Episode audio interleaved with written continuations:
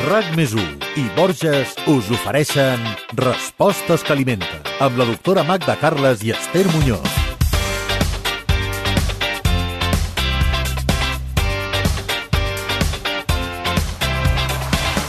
Acabem de començar un any nou amb reptes nous, però també amb hàbits nutricionals que es repeteixen com el clàssic d'estar sempre a dieta. Milers de persones, la majoria amb pes excessiu, però moltes també amb un pes saludable, estan sotmeses permanentment al malson del règim. És una preocupació constant, inacabable. El pes no és la dient i això ens obliga a estar pendent sempre del que mengem. Què podem fer per evitar-ho? És bo comptar sempre les calories, cal que ens passem cada dia. Es pot arribar, per exemple, a un pes que ens satisfaci. Aquestes i altres preguntes es respondran en aquests 53 tresè podcast que vol alleugerir una mica el pes d'estar sempre a dieta. Magda Carles, com estàs? Ah, molt bé. Com prova l'any? Doncs de moment bé, fa pocs dies, per això eh, que estem en un nou any, però jo crec que bé. Però ja veus que estem amb les mateixes històries que cada any. Hi ha coses que sempre són les mateixes, sempre, sempre, sempre. I quants anys fa que parlem del pes? Quants anys fa que parlem dels bons propòsits de perdre pes? Jo crec que deu fer més de 40 anys. De tu ho has dit, eh? és un dels propòsits que molta gent es clàssic. marca eh? ara en aquest aquesta I, època. I, I a més, que en el nostre, en el món occidental jo crec que és transversal. Tots els països tenen com a bon propòsit aquest. Eh, què passa amb això del pes, no? És, és, és el, el, el decàleg aquell que tothom fa clàssic, típic i tòpic de principis d'any, el pes sempre hi és. I com t'ho expliques tu, que, que treballes en el món de la nutrició, sí. no?, i que veus a diari pacients, no? Quina és l'explicació? Home, que, que la nostra civilització, doncs, a poc a poc la, la, ha anat augmentant de pes i que el sobrepès és una cosa que eh, els índexs de fa 50 anys eren molt menors que, que ara. Vull dir que és evident que hi ha un augment del pes. Però això també va paral·lel, curiosament, a un augment de la informació, de la divulgació de lo que és menjar bé, del que se sap científicament de lo que és una bona dieta, no? I també això ha anat paral·lel a que la imatge és molt important són les tres coses no? que van sent i es van cronificant, es van cronificant, o sigui, sabem més, mengem més bé, però ens engreixem més i al mateix temps la figura és més important. Mm. L'imatge, jo diria, l'imatge. No vols dir que ens hem eh, tornat més exigents també amb nosaltres mateixos? Absolutament. Hi ha una exigència brutal de perfecció física, perquè jo crec que la fama que té el pes, el pes del pes, malauradament, és més perquè això condiciona la nostra imatge que no pas per la salut. Ah, per tant, això, això és el trist. Moltes persones estan preocupades pel pes per una qüestió d'imatge, que jo no dic que no sigui important l'imatge, eh?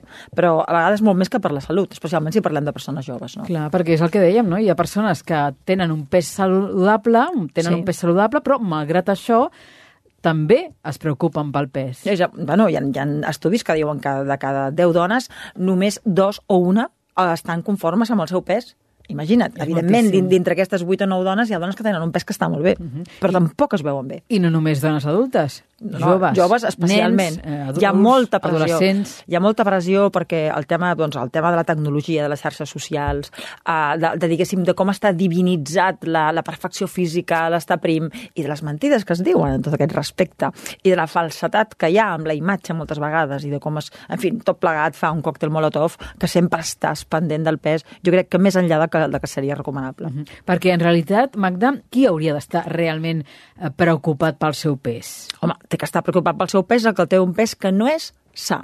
No, no, que no és estètic, que no és sa sense, a, a veure, sense treure importància a, a, a la imatge, que evidentment que ens tenim que veure bé. Es tenim que agradar, sobretot, a nosaltres mateixos. I quan tu no t'agrades a tu mateix és quan comencen a haver-hi els problemes. El que és trist és que hi ha gent que es, es posa al límit per agradar als altres.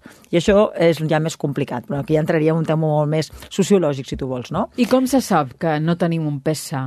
Home, hi ha moltes dades, no? Hi ha aquella famosa índex de massa corporal que l'hem dit tantes vegades, no? Que és el pes dividit per l'alçada al quadrat i que hi ha uns que són de normalitat, que van de 18 a 25, val? I sabem que a partir de 30 doncs això és ja més seriós i que hi ha una obesitat i que de 25 a 30 és un sobrepès. Això s'ha dit infinitat de vegades i bueno, penso que qualsevol ho pot fer. Amb totes les limitacions, perquè com totes les dades, aquí estem relacionant l'alçada amb el pes. És a dir, és com si estiguéssim medint la densitat d'aquella persona, no? Al fi al cap.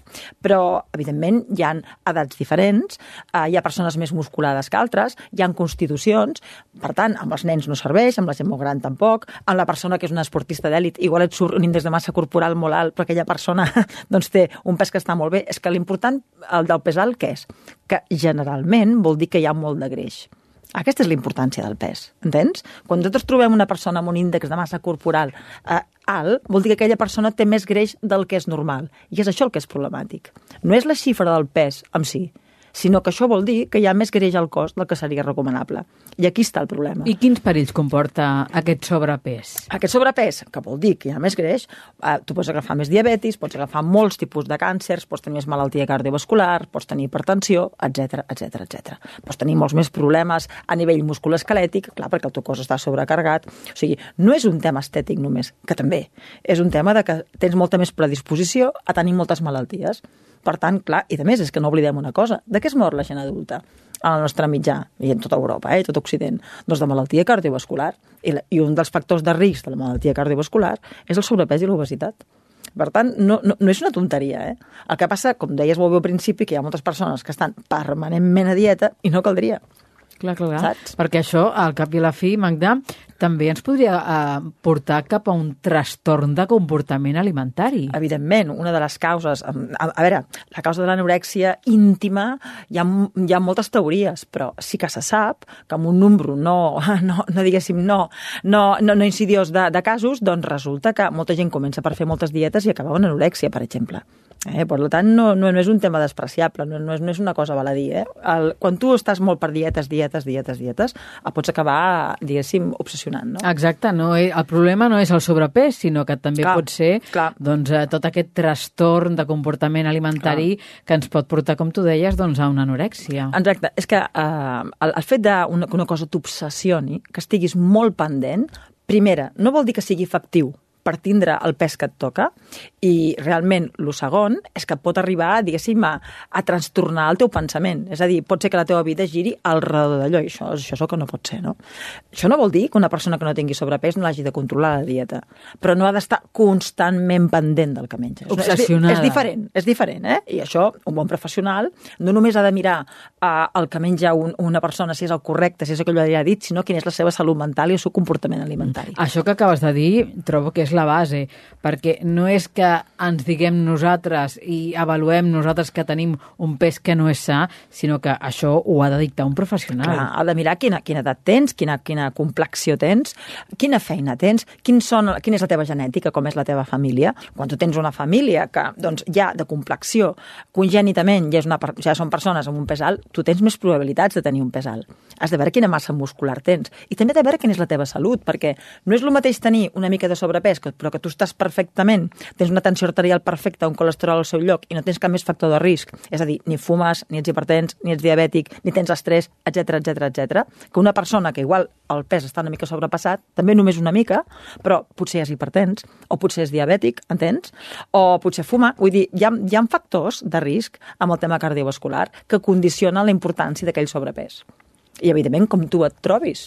Evidentment, si tu tens mal als genolls, imaginem eh? Tu tens mal als genolls i tens més pes. No tens molt més pes del normal, però tens més pes. Per tu és molt important, perquè la salut de teus genolls depenen d'aquell sobrepès. Clar, Entens? clar, es tu ets hipertens. Clar, tu tens una mica de pes més del normal, tens més greix del normal. Potser no tant, però, ostres, ets hipertens.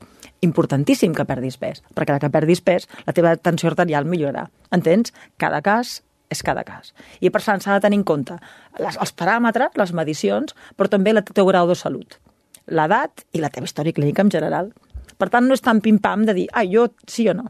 Uh -huh. I el que és absurd, Esther, és persones que tenen el pes normal i fins i tot baix estiguin eternament a dieta. Això sí que tindríem que evitar-ho. Què, què passa, no? Què succeeix quan estem sempre, sempre, constantment a dieta i resulta que, que el nostre pes està dins de la normalitat? Que això estic convençuda que t'hi deus trobar. Moltíssim, moltíssim. Què passa? Que hi ha uns cànons estètics continua havent-hi molta obsessió perquè les persones estiguin molt estilitzades. I el cos humà, i depèn de les ètnies, no? però per exemple, la dieta, la, la figura mediterrània del nostre mitjà, de les noies, de les dones, no és andrògina. No, hi ha cadera, hi ha una sèrie de dimensions, hi ha un recobriment greixós de moltes parts del cos, i té que ser-hi, no? Llavors, moltes vegades es promulga una bellesa que, de fet, no és natural, o que bé aquella persona, per tindre aquella estètica, tindria que estar molt per sota del pes recomanable. I és això, format que a vegades la gent busca pesos que no són els seus. i que per tenir una estètica determinada, no? Quan millor els iria molt millor fer més esport, estar més fibrada, saps? Vull dir, i també hi ha un factor, Esther, no podem tenir el cos que volem, eh? Al 100%. Tu pots millorar el teu cos, però mm, ja sortim d'una matèria que ja està feta. Vull dir, tu no pots a vegades assolir allò que, que vols per més bé que mengis i per més esport que facis. Això també s'ha de tocar la peus a terra. No tothom pot tindre la figura que vol. Per tant, eh, diríem Clar. que el pes estètic no sempre és assolible? Evidentment. Evidentment, no sempre es pot tenir un pes que, que tu vulguis. I a part, perquè la vols tenir aquell pèls. Perquè, clar, un pes baix t'assegura que tindràs bon tipus? No és veritat, això, eh? T'assegura que estaràs més prima. Però això és una bona figura. No és el mateix, eh? Pes baix és pes baix. Estar prim és estar prim. Però estar prim vol dir ser estètic? És una no, pregunta no, que deixo de l'aire, perquè ens ho han fet creure que això és així, però no és veritat, eh? No és veritat, perquè l'estètica també depèn de com tinguis distribuït aquest poc greix que et quedi, de com sigui la teva massa muscular, de com siguin les dimensions dels teus ossos, etc etc etc. Les proporcions fins la cadera, els braços, les cames, hi ha, hi ha molts paràmetres. No sé, una persona que entendrà més que això, no una persona que sigui quasi un artista ho entendrà, no? Què és la bellesa? A part que el que nosaltres considerem maco ara, potser fa 50 anys no, i potser d'aquí 50 anys tampoc. Va canviant. No? Clar. Feia referència a les dones, no? Què, mm. què succeeix amb els homes? Eh, és diferent? És una mica diferent, per més que es vulgui dir que és igual. Els homes, evidentment, han de cuidar el pes, igual que les dones, perquè també tenen molt perill cardiovascular i perquè, clar, pateixen hipertensió. Eh, eh, eh, quan dic que la gent es morda amb malaltia cardiovascular, és homes i dones ells també i a més abans que nosaltres, perquè tots sabem que la dona, pels estrògens, doncs, pel nostre cicle menstrual, per les nostres hormones, estem més protegides davant de l'infart fins que ve la menopàusia, d'acord? Però bueno, un i altre té aquest problema de la malaltia cardiovascular, té aquest perill, no? Què passa? Que ells estan igual de condicionats pel tema de la malaltia, però jo crec, sincerament, si som, si ens posem de peus a terra i ho mirem bé, molt menys des del punt de vista estètic i d'exigència personal. Cada vegada més, és cert, però no és comparable un home i una dona. O sigui, i a vegades això ho podem veure des de les coses més quotidianes que hi ha, no? Se li permet molt més uh, la imperfecció física a un home que a una dona. Les dones estem més pressionades en aquest sentit. I a vegades ens autopressionem nosaltres també, també s'ha de dir. O sigui, estem, és un ambient que pressiona, però també és una exigència que a vegades portem ja posada com un microchip en el cap, no? Que si tenim que buscar l'origen d'això seria complex de, de parlar ara. Però és veritat, les dones som exigents amb les altres dones i amb nosaltres mateixes. -huh. Després, eh, hi ha molta gent que es queixa, i això és una realitat, de que té tendència a guanyar pes de manera fàcil. És a dir, jo menjo el mateix que tu, però, en canvi, jo m'engreixo molt més que tu. Mm. Això és així? És així, és així. Pot ser perfectament, perquè és que el metabolisme, que és un conjunt de mils de reaccions per les quals eh, absorbim els nutrients i, per tant, l'energia a partir dels aliments i això es transforma en la greix del nostre cos i el nostre funcionament no és igual d'una persona a l'altra. Depèn, òbviament, de l'edat, si ets home o si ets dona, però és que pots trobar dos dones iguales, mateixa edat, mateixa alçada, mateixa feina, mateix tot, i que eh, això sigui diferent que una s'engreixi molt més que l'altra. I què, què podem fer si el nostre cas és aquest, el de mm, amb poc menjar guanyar ràpidament quilos? Quin consell ens donaries? Home, amb poc menjar, guanyar ràpidament quilos, això seria problemàtic, no? Però si potser ens referim a... O inflar-te, que, que t'infles de seguida. No, persones que mengin bé, és a dir, mengin correctament, però que de seguida la que es passa una mica, doncs ja... ja això també, sí. Això és fumut, no? Bueno, això tu has de veure primer. Has de revisar aquesta dieta si realment és tan correcta com tu t'imagines. Has de revisar el teu exercici, perquè potser ets molt més sedentària del que tu també t'imagines. Però realment, si veus que menges correctament i veus que fas un exercici amb sentit comú, una cosa normal, i tens un cert pes que potser no t'agrada, has de començar-te a pensar que igual aquell és el teu pes. Entens què vull dir? Perquè imaginem-nos, segurament aquesta persona es podria primar mirant si el mil·límetre menjant molt més o augmentant molt la, la taxa d'exercici. Quan tu per assolir un pes, estem parlant d'una persona amb un pes sa, eh? però per, per, per assolir aquell pes, aquell pes més estètic, més que t'agradaria, has d'estar constantment pendent del que menges, el que fas exercici, no és el teu pes. No és el teu pes, és que no compensa. A veure, si tu em dius, és que jo em vull dedicar al món de la moda, és que jo vull... Però si ets una persona amb una professió normal, diguéssim, que el físic no sigui tan, tan, el pes no sigui tan important, jo crec que ha d'arribar un moment de maduresa mental que has de dir, bueno, jo sóc així. D'acceptació. Clar, és que, en fi, tothom no pot estar primíssim. El que sí podem estar tots, Esther, és en forma. I això, en canvi, no ens ho plantegem. Tots podem millorar la nostra condició física i tots podem estar molt millor podem estar molt millor, però millor no podem estar com voldríem, com voldríem estar. I aquesta acceptació dona molta tranquil·litat. Per tant, hauríem de veure quins són els hàbits quotidians Clar, que són anàlisi d'això. més bons i els que són més nocius en aquest aspecte. I també mirar una mica la nostra genètica, saps? De dir, bueno, escolta'm, que, que, de dir com són els meus pares, com són els meus germans, vull dir, no vol dir que la genètica hagi de condicionar al 100%, però també es pot donar una mica una idea. I també la nostra edat, Esther. No pots pretendre als 60 anys estar igual que als 30, no? Eh, això és així. Sí, sí. I a més, el teu grau de salut, si prens medicaments, el teu tipus de feina... Clar, si tu ets bailarín de professió, el teu cos no serà el mateix que si et dediques a escriure llibres. Entens? És que això és així. I si tens una vida social molt activa, Clar. o treballes tot el dia Clar. a casa, assegut davant de l'ordinador, i no tens gaire temps de, de fer exercici, doncs tot això va en contra I teva. tant. Escolta'm, tots sabem que, que amb la pandèmia, quan van començar la gent a, a teletreballar, que el pes va augmentar en moltíssimes persones. Aquest canvi tan sols d'anar a la feina de quedar-se a casa, fixa't tu com ha augmentat el, el sobrepès molt, molt notablement, no? Vol dir que els petits hàbits quotidians de cada dia, quan es varien, encara que sembli que sigui poca cosa, com que es repeteix cada dia, al millor al cap d'un mes vol dir 300 gram més, però és que al cap d'un any són 3 quilos. Entens? O sigui, Els petits canvis són importants. Sí, sí, sí. Doncs eh, anem a fer una pausa i a la tornada vull que m'expliquis què podem fer aquestes setmanes per reequilibrar el nostre pes. Perfecte. Respostes que alimenten. Amb la doctora Magda Carles i Esther Muñoz.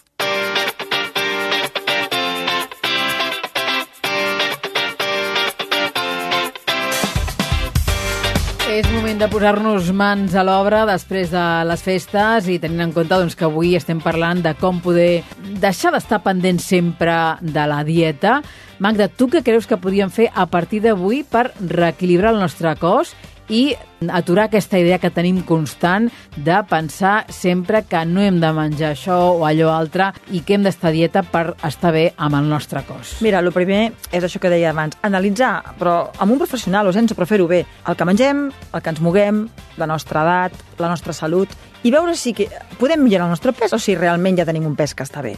També segons la nostra salut. Si tenim un pes elevat, però la nostra, un pes que no ens agrada, però ens trobem bé, és un tema. Però si tenim algun problema, hi ha més urgència en perdre aquest pes. A partir d'aquí, acceptar el pes possible, el pes possible amb salut, i a partir d'aquí intentar menjar bé. És que és això, o sigui, eh, jo crec que jo aquest principi d'any eh, recomanaria a tothom que fos realista, realista amb les seves possibilitats de millorar el pes. Jo recomanaria que es mengés bé, que es fes exercici i sobretot tocar de peus a terra amb quin és el pes que ens convé. I com última recomanació, si aquest pes que volem suposa estar comptant calories, suposa estar sempre pendent de la dieta i mirant quants minuts estic al gimnàs, no és el teu pes. No és el Acceptar la realitat Exactament. i no enganyar-nos. Exactament. Mhm. I escolta, Magda, eh, aquesta temporada el que volem també aquí als Respostes que alimenten és eh, cada setmana repassar capricis saludables que, escolta'm, ens hem de donar perquè la vida al cap i a la fi Sí, sí, perquè... és gaudir-la, no? eh, importantíssim. No, si no, és que no seria una altra cosa, no seria la vida, no? Amb quin començaríem? Escolta'm, aquest principi d'any, eh, com que els metges sempre estem donant... eh, No facis això, no facis l'altre, jo aquí vull donar capricis, Esther, perquè, per aquest sentit lúdic també de, de, del menjar i de la gastronomia. Mira, hi ha un caprici que trobo que és molt de gener, perquè tots venim una mica embafats, tant torró i tanta... De la pujada de gener? Sí, nois, i més, és- mira, és més assequible, això de la pujada, eh? Mai millor dit. Eh, és molt senzill.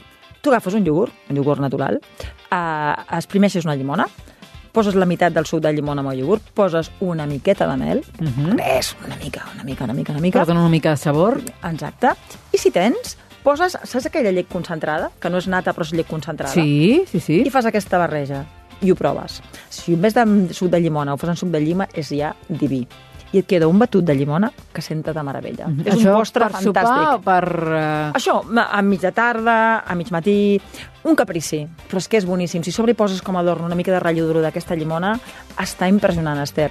Porta calci, porta proteïnes, perquè clar, caprici, saludable, saludable. Suc de llimona, vitamina C, què més vols? Sal no és porta, fàcil. sal no en porta, no? no? No, porta sal, més faltaria. perquè d'aquí 15 dies dedicarem el nostre podcast al 54è a parlar de la sal, perquè té molt mala fama. Uh, sí, una mica se la mereix, eh? sí. És tan dolenta, sí? Això ho parlarem el proper dia. Doncs vinga, tots atents, d'aquí 15 dies ens trobem aquí amb la doctora Marta Carles i ens traurà de dubtes. És tan dolenta la sal? Aquesta és la pregunta del proper dia. Ens la trobem. Adeu. RAC més i Borges us han ofert Respostes que alimenten. amb la doctora Magda Carles i Esther Muñoz.